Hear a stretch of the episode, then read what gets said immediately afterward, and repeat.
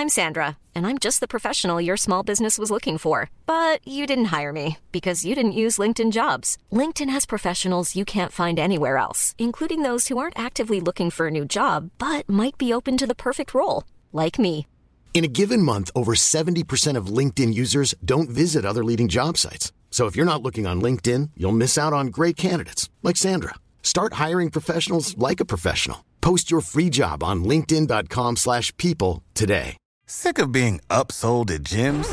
My guy, you're currently a base member. For $90 more, I can upgrade you to our Shred membership. For 130 more, you'll be a Swole member. And for just $300 more, you'll reach Sweat Platinum.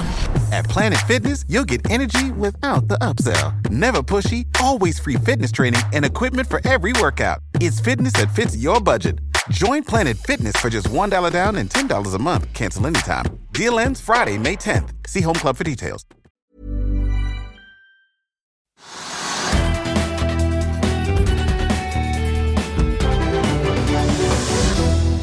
En eh, riktig god onsdag alle sammen, og velkommen til Økonominyhetene her hos oss i Finansavisen. Mitt navn er Mai Marius Thorensen, og i sendingen i dag så får vi si blir det både prat om inkasso, fly og inhabile statsråder. Vi hører mer fra Trygve Hegnar om situasjonen rundt Annike Huitfeldt om eh, litt. Vi må begynne med å titte litt på markedet. Vi har jo da fått disse ADP-tallene fra USA, som da dekker privat sektor. og Der viste det seg at det ventede fallet ned fra 324 000 nye jobber i juli til 1,95 i august.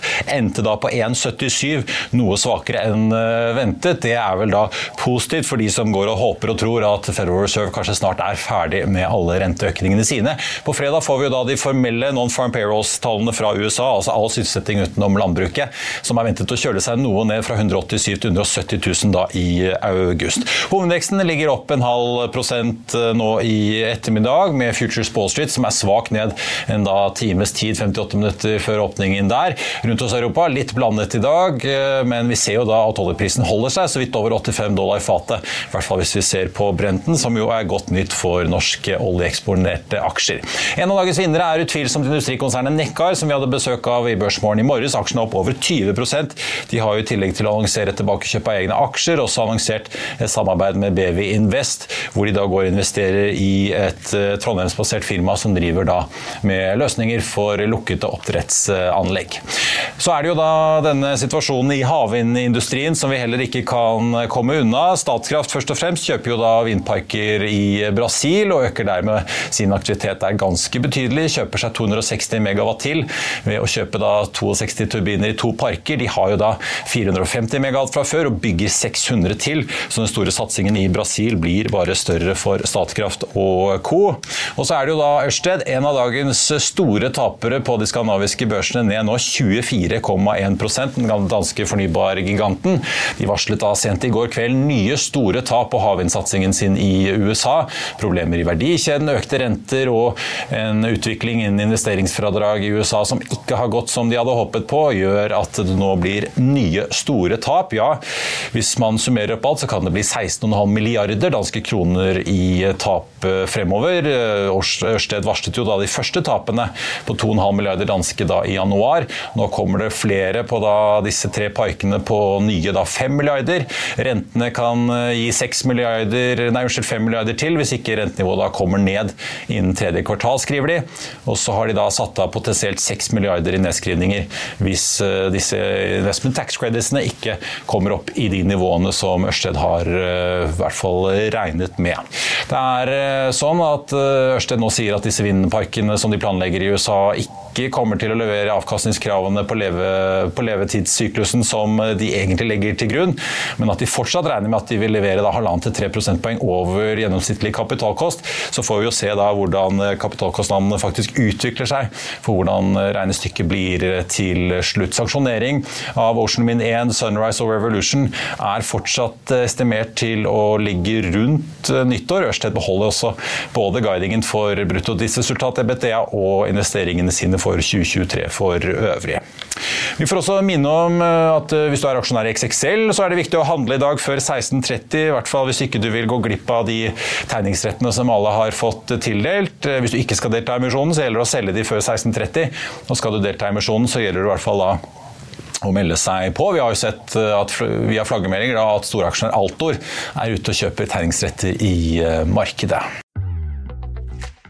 Vil du bli oppdatert på det viktigste som har skjedd innen finans og næringsliv? Da er det bare å følge med, for hver morgen er jeg, Marius Lorentzen og aksjekommentator Karl Johan Malnes på plass i studio for å ta tempen på dagens marked i Børsmorgen. Og hver ettermiddag oppsummerer vi alt du trenger å vite i økonominyhetene, og det blir selvfølgelig masse interessante gjester. Klikk deg inn på fa.no-tv, eller søk opp Børsmorgen og Økonominyhetene der du hører på podkast. When you're ready to pop the question, the last thing you want to do is second guess the ring.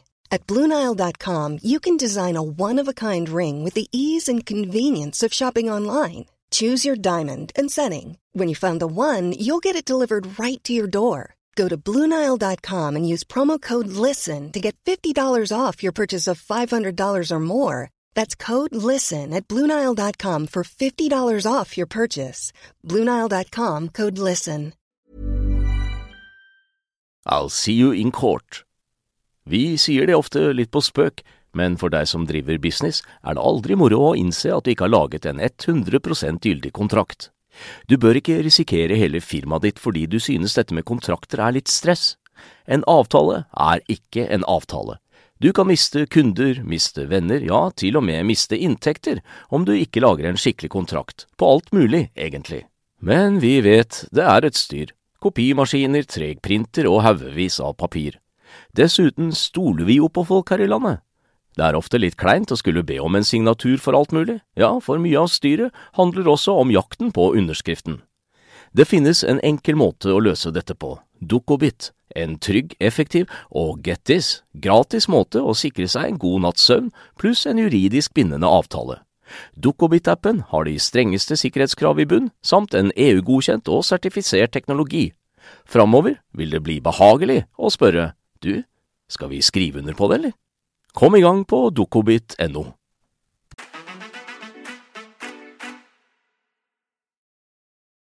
Vi må eh, begynne sendingen i dag med politikerne og inhabilitet. For det er jo ikke lenge siden statsråd Ola Borten Moe måtte gå av.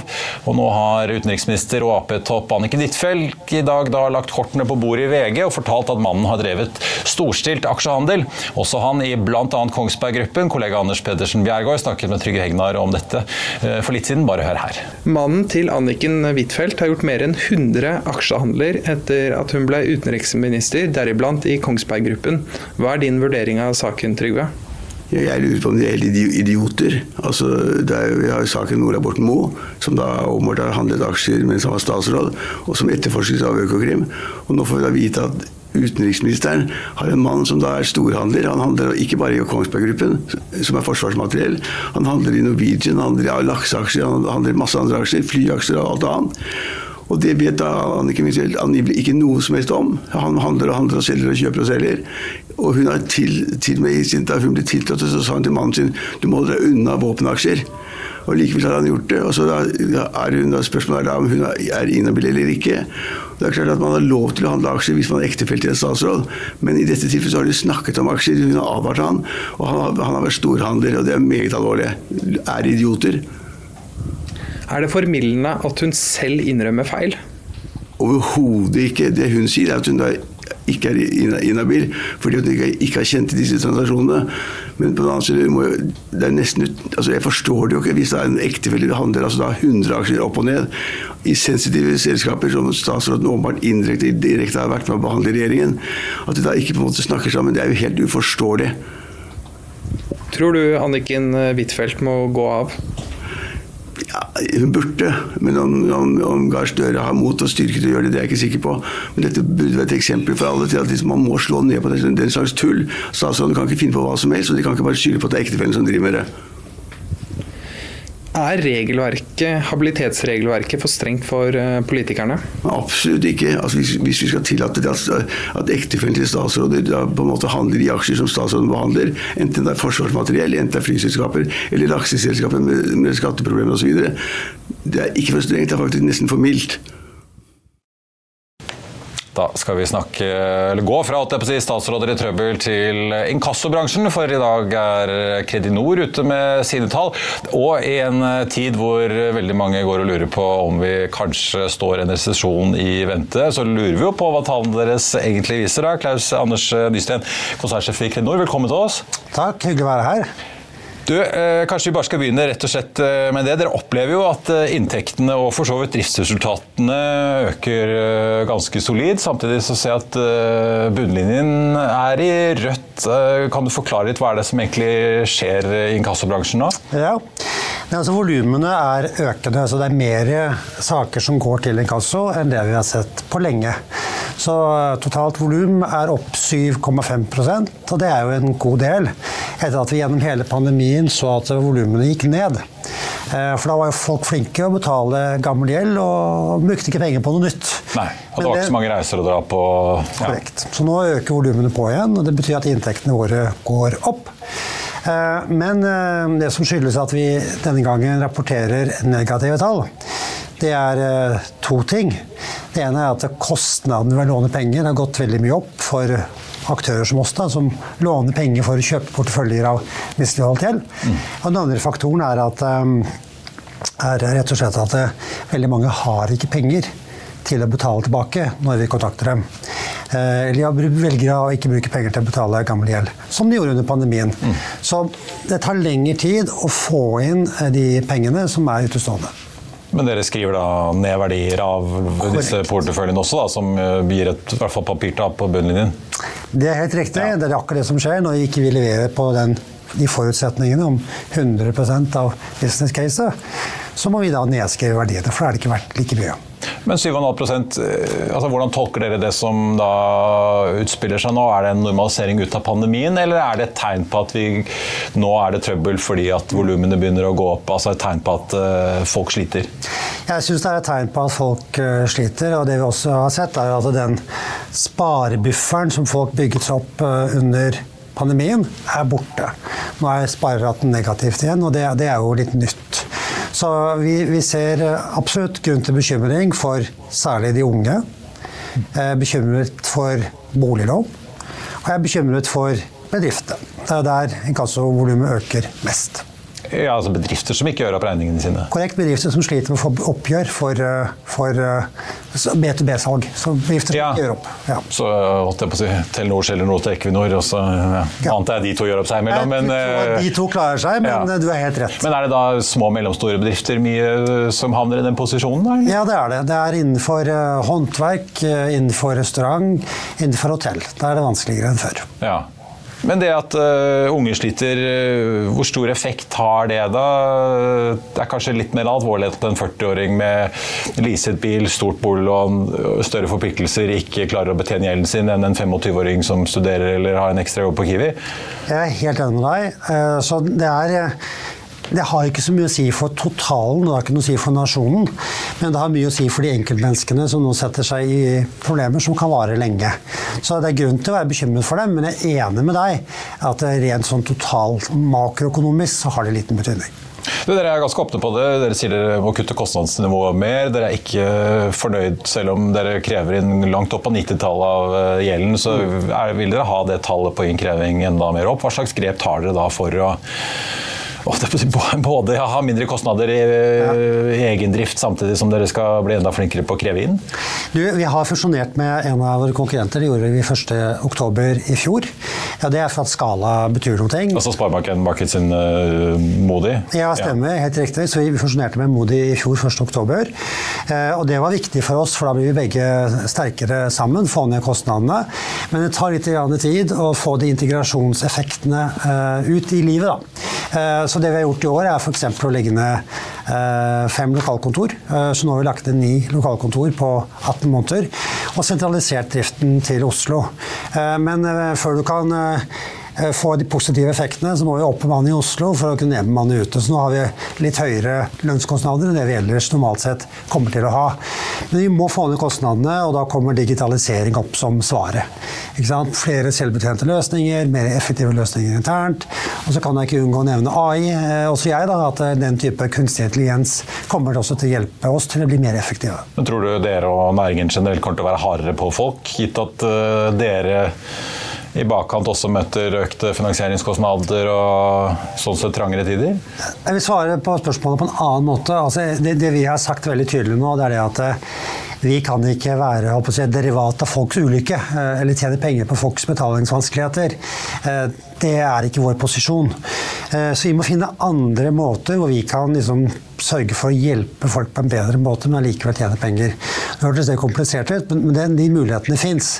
Og vi har derfor eh, i dette halvåret som ligger bak oss nå, eh, bl.a. også lansert nye produkter og nye tjenester. Bl.a. det aller mest innovative i bransjen nå, som heter Kan. Ja, for, men der, altså det er rett og slett at dere selger øh, løsninger til bedrifter som har ansatte som sliter økonomisk? Korrekt. Hvor dere skal være en slags gjeldsrådgiver, eller? Helt riktig. Ja. Og det er et nytt produkt i en ny kanal. Eh, og det tror vi steinhardt på. Eh, fordi at vi vet, og det er senest nå i en undersøkelse gjort av Senter i august, viser at 70% av ansatte i norske bedrifter uroer seg for egen økonomi. Det betyr ikke at de er i krise, men de uroer seg. Og Du ønsker jo ikke å ha medarbeidere på, på jobben som er stressa for å betale barnehageregningene, eller som lurer på om de har råd til å betale energiregningene, eller lurer på om de kan betale boliglånet. Det, det ønsker du ikke. Skal du ha engasjerte, positive medarbeidere som ønsker å yte sitt beste, så må de legge bekymringene bak seg. Men øh, hvordan fungerer det? Er det sånn at dere skal ta dette her på En ting er jo da å leie ut tjenesten gjeldsrådgivning, men skal dere ta dette her på egne bøker? At dere også tilbyr de ansatte å samle all gjeld, refinansiere det hos dere? Om det er kredittkortgjeld, altså ulike typer gjeld, usikkerhet antar jeg utover boliglån? Altså det, det, viktigste vi kan gjøre nå, er å gi folk en oversikt, for det er veldig vanskelig å få. Og særlig hvis du har inkassogjeld mange forskjellige steder. Det første du får er en komplett oversikt, og vi er det eneste, eneste som kan gi den oversikten, det er, det er oss, og gjennom den tjenesten som heter Kan. Uh, dernest kan vi gi en handlingsplan, uh, og den handlingsplanen kan være veldig detaljert. Bygge opp en bufferkonto, konsolidere gjeld, nedbetalt dette først. Uh, for å få tatt de riktige eh, stegene. Og så får du også en økonomisk eh, helsesjekk. Eh, så hvis du får en litt dårlig score, så kan vi gi deg rådene som skal til for å bedre scoren litt ned i, i veien. Ja. Ja, men jeg tenkte sånn, Du kan jo ta det som at du selger en slags konsulent da, hos dere per time, eller med en slags ja. kanskje provisjon hvis dere løser eh, problemene for eh, den ansatte hos bedriften. Men dere kan jo også sette opp dette her som en finansiell investering, hvor dere som jeg sier, så påtar dere eh, noe på balansen gjennom at dere tar disse lånene inn. Da. Ja, det, er det, det noe dere vurderer? Ja, da, det vurderer vi absolutt. Og det er noe av problemet i dag. er at mer enn halvparten av de som er kunder av Kredinor i dag, de har inkassogjeld også hos andre. Og Da er det veldig vanskelig for den personen å, å, navigere og vite ok, hva skal jeg gjøre først. Hva lønner det seg for meg å gjøre nå? Eh, og Det er ikke før du får den samlede oversikten du kan få det, det beste rådet. Og Vi skal alltid passe på å gi det aller beste rådet til kunden. Hva som lønner seg mest. Det er liksom det rådet man får gjennom Kan. Ja.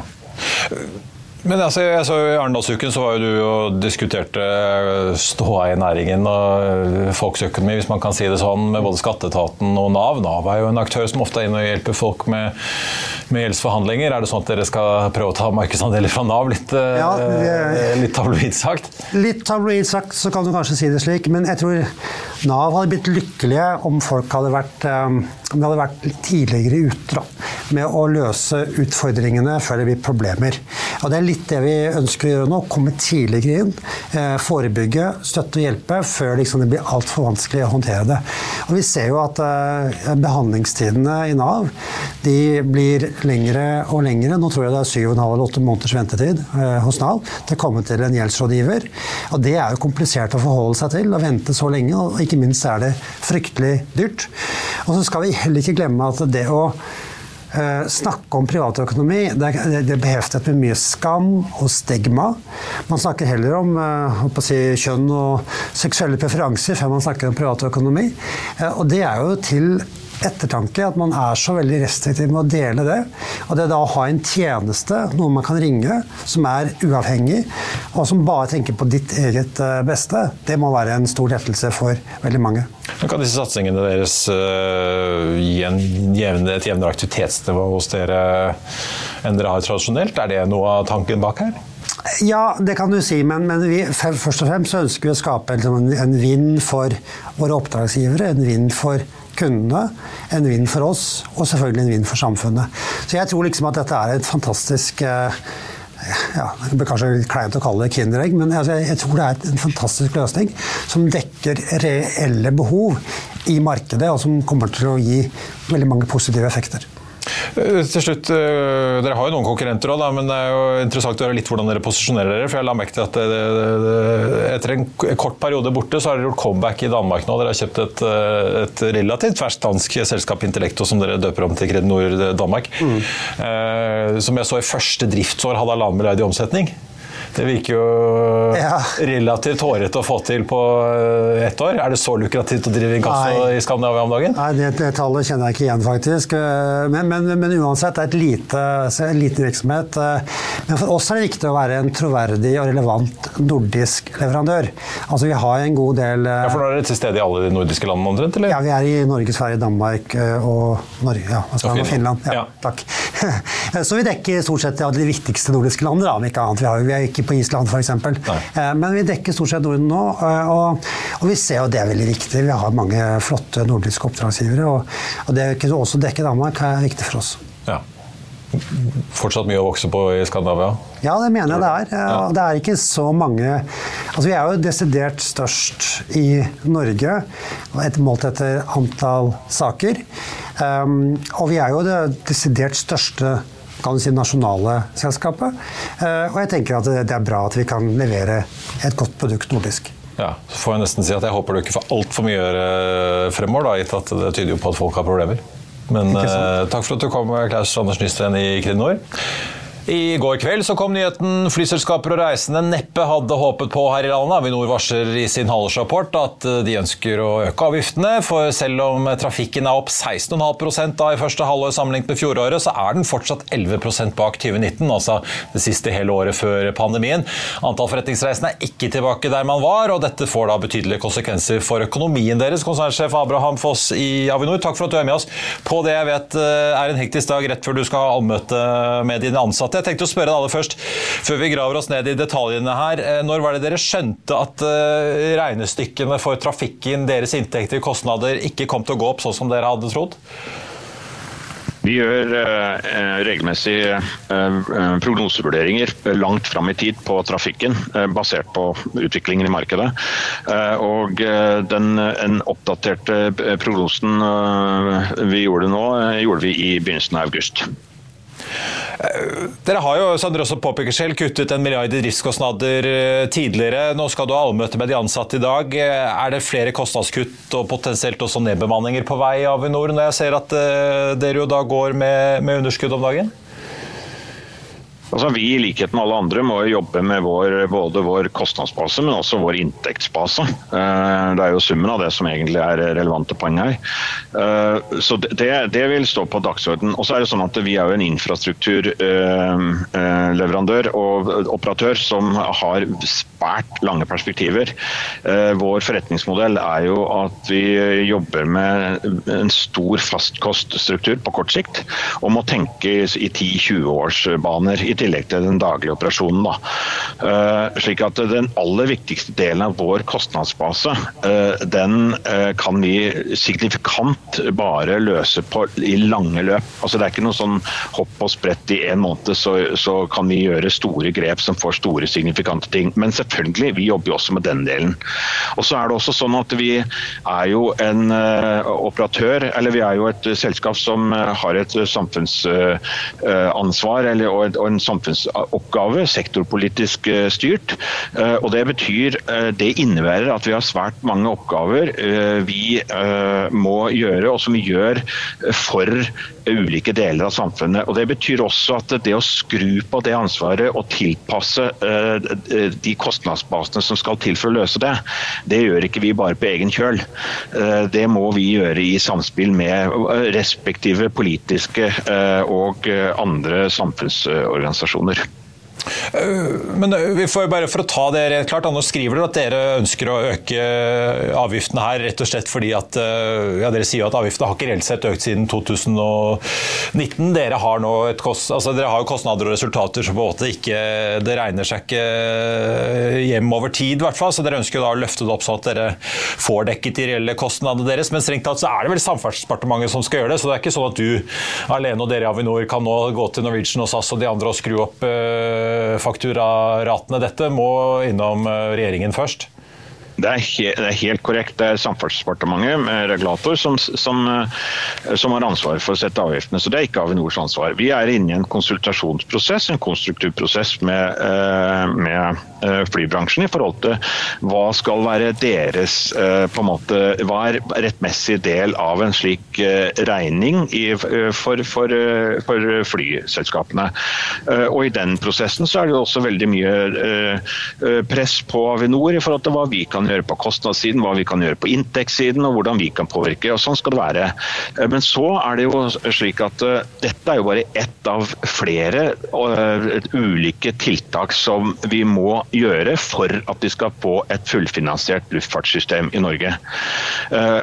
Vi har jo en, en rekke rekke oppgaver som vi løser, og som luftfarten ikke betaler. Eh, og ikke skal, altså luftfarten i betydningen flyselskapene ikke betaler, ikke skal betale for. Eh, det er en rekke politiske diskusjoner. Vi, eh, vi peker jo også på at politisk sett så har vi jo justert inntektsbasen vår gjennom kutt i taxfree-kvote.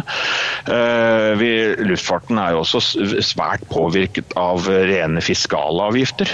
Det er ulike typer spesifikke oppgaver vi vi gjør. Vi tok bl.a. over ansvaret for Andøya nå for to måneder siden. det er en rekke den, uh, unnskyld, for en måned siden. Det er en rekke oppgaver som vi er motivert til å gjøre, uh, og som er vår rolle. Men vi må finne en finansieringsmodell som gjør at, uh, at vi kan operere.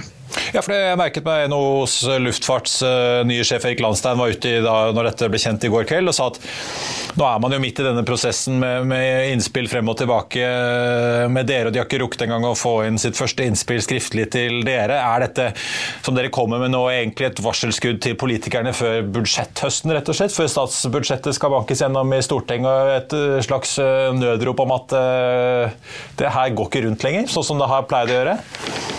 Eh, nei, det er, altså, det, er, det er, riktig som vi skriver i rapporten at vi er jo eh, Jeg tror vi må bare spole tilbake. Vi er ikke finansiert av den norske stat. Vi er finansiert med over 20 milliarder i lån i finansmarkedet i London. Det betyr at er, det er ut, veldig mange typer uh, regler og styringer og, som en vanlig finansiell operasjon vi må forholde oss til. Nå sitter vi og ser på en prognose som, som er mer pessimistisk i forhold til fart starten på opptaket og en forretningsmodell som vår, som er så avhengig av, uh, avhengig av uh, passasjerutvikling, så betyr at da må vi gjøre ansvarlige vurderinger, lovmessig, regnskapsmessige vurderinger på hvor, hvorvidt vi eventuelt også kan forsvare balansen vår på, for, i Avinor. Og, og, Det betyr at det, det må vi da utfordre, og det er der vi står nå. Ja, for bare, Dere skriver Avinor legger til grunn at staten vil sikre finansielle rammebetingelser som forsvarer regnskapsførte verdier. Eh, er det implisitt du sier at du har kreditorer i de internasjonale finansmarkedene som nå er bekymret for at eh, de underliggende verdiene som de har eh, lånefinansiert, kanskje ikke blir like mye verdt fremover hvis rammevilkårene ikke er gode nok? Nei, Jeg har ikke noe synspunkt på om de er bekymret eller ikke, men vi må huske på at vi er, vi er ratet av Standard Poor, Moody's. vi må forholde oss til å forsvare de reglene. Covenants eller, eller garantiavtaler i våre låneavtaler, uh, eller klausuler i våre låneavtaler og den type ting. Og Det betyr at vi må da, vi må da sikre at vi har den type eh, finansiering og den type forretningsmodell som kan forsvare det. Eh, vi har da en såkalt singel til, det blir litt teknisk, men, men som i kortversjon er slik at uh, vi har kommersielle inntekter.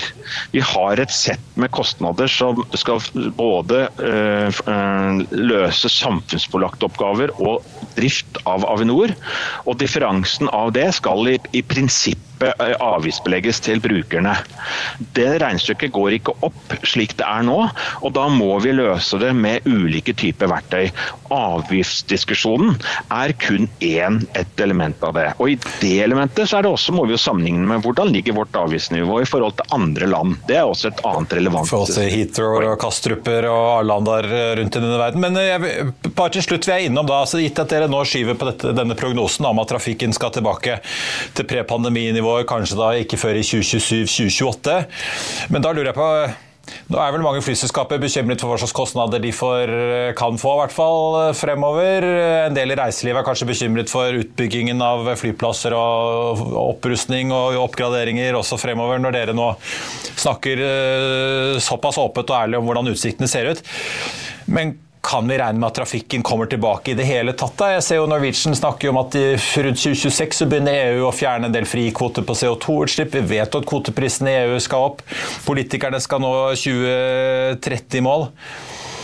Eh, det, begynner dere kanskje rett og slett å gå og møte en verden hvor dere kanskje ikke har like mange passasjerer å dele disse kostnad, faste kostnadene deres på? Ja, Det gjenstår å se. Det er jo ingen av oss som kan spå det. Eh, spå det. Vi, vi, ser jo at det går øh, oppover, men det går oppover saktere. Eh, vi ser at det er mye overflyvning, så det er mye flyvning. Det var mer flyvning i juli på globalt basis enn det var i 2019. Eh, altså på global basis. Eh, slik at det er veldig mange sånne elementer som, som spiller inn her. Men, det er, men, men det, er et, det, er, et, spørsmål, og det gjør at vi må utfordre hvordan vi driver vår operasjon. Og jeg har stor forståelse for at flyselskapene som kjemper en, en kamp i forhold til sin kostnadsutvikling og sin eh, som post-covid-retur. Eh, så, så, det er ikke sånn at det er ikke noen konflikt mellom flyselskapene og Avinor i så måte. Men, men vi er et, en bransje som har betydelige utfordringer og står nå også overfor hvor, hvor fort det vil gå tilbake igjen. Det er vanskelig å si. Men Kan man bite seg selv litt i halen her hvis uh, alt av kostnader øker, deres kostnader øker, det blir dyrere klimakvoter, sånn at rett og slett det blir ikke så billig å reise i fremtiden, som igjen gjør at folk blir litt mindre reiselystne, som bare forverrer hele situasjonen? Eh, eh, eh, Tilbud-etterspørselskurven fungerer her som i alle andre markeder, så det er alltid en risiko for det. Men vi skal huske på at flyplassavgiftene som sådan det er, signifikante penger vi snakker om, så jeg har full forståelse for reaksjonen og, og i, i, hos flyselskapene. Men det utgjør allikevel en, en begrenset del av, av kostnadsbasen og vi snakker en begrenset uh, justering i forhold til noe som ikke har vært justert på mange år. Slik at, slik at isolert sett så mener vi jo at dette ikke får Det vi snakker om, er ikke etterspørselsmessige effekter, men, men, totalen av alt. Og det vi skal huske på at flyselskapene har en betydelig fiskalavgift som kommer på toppen. Som rett og slett tar penger ut av luftfarten. og Det, det er klart det er en, for flyselskapene en utfordring ut av næringen. Kort til slutt, Abraham. De som i reiselivsnæringen generelt nå sitter og håper på nye terminaler, ombygginger og opprustninger. Hva kan du si om de prosjektene som ikke er sanksjonerte og hvor byggingen er satt i gang hos dere nå? Er alle under lupen og til vurdering, eller gitt det du sier om, om hvor viktig de lange linjene med takk på kostnadene deres er, og hvor relativt sett lite dere får gjort på kort sikt? Ja, Der vil jeg si prinsipielt ja, i den forstand at uh, vi har, uh, vi har uh, en, en, krone vi ikke får inn, betyr en krone mindre vi kan bruke. og Det er ikke sånn at vi automatisk da bare kan lempe den over på markedet og ture, dure på videre. Men det er et stort men der. og Det går, det går på at hvis vi skal vedlikeholde og utvikle en eksisterende infrastruktur som er godt vedlikeholdt eh, historisk, eh, men som har et veldig langt perspektiv på seg. Eh, og Det kommer vi til å være opptatt av. for Det er så mange krav i luftfarten at hvis vi går på akkord med den type vedlikehold, eh, så er det det samme som å på en måte utfordre hvorvidt du faktisk skal ha luftfart på det stedet. og Da bør det være en eksplisitt beslutning hvis det er den type beslutninger samfunnet ønsker å gå inn i. Og Det er jo en politisk beslutning, ikke Avinor-beslutning. Konsertsjef Abraham Foss i Avinor. Det blir veldig spennende å se hvordan uh, dette støvet lander til slutt. Det er mange ting i spillet samtidig. Takk for at du tok deg tid til å være med oss i dag. Eidesvik Offshore gikk fra å tape 100,9 millioner kroner i andre kvartal i fjor til å gå nesten 408 millioner i pluss i andre kvartal i år. Det viser da regnskapet som kom i dag. Eidesvik har hatt en ganske pen dag på børsen. Ligger nå opp en 7% fortsatt. Vi så åttetallet litt uh, tidligere, da. Opp til 13, 13 kroner og nesten 20 øre. En annen aksje som gjør det relativt greit i dag, er PGS, opp snau prosent. Sammen med partnerne TGS og Slumberg Skje, nå SLB altså, så har de sikret seg forhåndsfinansiering for en utvidet multiklientundersøkelse med 3D-seismikk i Sarawak-bassenget utenfor kysten av Malaysia. Og Ifølge PGS da, så melder, de selv, så melder de da kun om eh, prosjekter hvis kontrakten har en verdi på 100 millioner kroner eller mer, eller hvis det da er av strategisk uh, viktighet. Aksjen det er som sagt da har vært opp 2,5 i dag, ligger nå opp snaue prosenten. TGS opp en drøy prosent. Avans Gass, også ute ligger opp drøy prosenten de også etter kvartalsrapporten. Fikk et resultat på nesten 36 millioner dollar i andre kvartal. Det er omtrent uendret fra første. LPG-rederiet greide dermed da nesten å kopiere starten på året, som var det nest, best, nest beste kvartalet de har hatt noensinne. Og så får vi også ta med da ellers hvordan det ser ut i markedet akkurat nå. Hovedindeksen på Oslo Børs opp 0,3. Har fått noe tilbake fra nivåene vi så tidligere i eh, dag, men likevel ser ut til å bli en greit hyggelig dag. Med en oljepris som ligger på 85-30, opp en halv prosent omtrent. Det bidrar jo da til at uh, oljeaksjer som Equinor og Aker BP og Vår Energi ligger i grønt i dag foreløpig. Unnskyld, Vår Energi så vidt i minus, får jeg bare ta med. Og så får vi også minne da alle aksjonærene i XXL på at hvis du ikke ønsker å delta i emisjonen, så gjelder det å selge unna tegningsrettene du har fått innen 16.30 i dag. Fordi i morgen så er de ikke lenger omsettbare og dermed også verdiløse, så da gjelder det å sikre seg de slantene man kan få der. Hvis man altså ikke ønsker å delta, ønsker man å delta, så er det jo bare å benytte seg av de. Det er jo da 40 øre aksjen for å tegne seg i XXL-emisjonen. Ellers så er det jo da, i hvert fall hvis vi ser på skandinavisk og nordisk basis, Ørsted, denne danske fornybargiganten som preger markedet og praten i dag. Aksjen har bare falt og falt og falt, og det gjør jo at det er relativt sur stemning på København-børsen. Ørsted-aksjen nå ned 25% i København nå, med en omsetning som nærmer seg 2 milliarder i aksjen. Så ikke bare et kraftig fall, men også stor omsetning, som jeg var inne på. De har jo da varslet nye store tap, som kan begynne å nærme seg nesten 20 milliarder danske kroner hvis alt går som aller verst, i da flere offshore havvindprosjekter i USA. Det er både renter og forstyrrelser i verdikjedene, problemer hos leverandører, og også da lavere subsidier enn de kanskje har håpet på, som gjør at man tar disse store, store tapene i havvindsatsingen sin eh, der.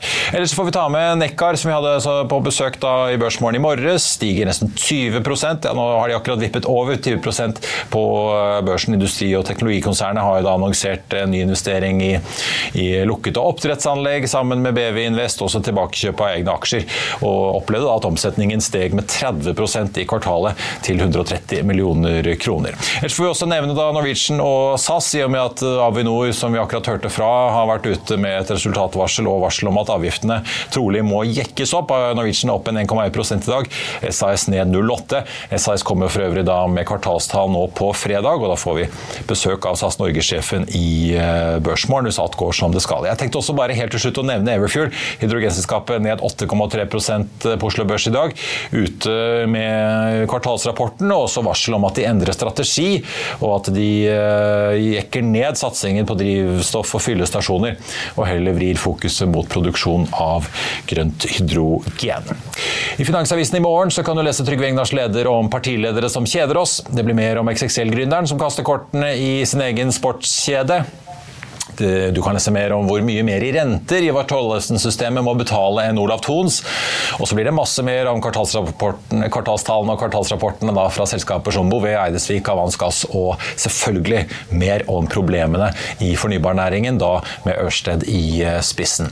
Det var det vi hadde for deg her i dag, men husk at vi er tilbake igjen med Børsmorgen i morgen 08.55. Da får vi med oss Storebrands Olav Chen. Deretter blir det Økonominyhetene klokken 14.30 på det som altså blir månedens siste børsdag. I mellomtiden så får du siste nytt på F1 gjennom hele kvelden og eh, får vi si natten også. Ha en riktig god torsdag alle sammen. Vi ses.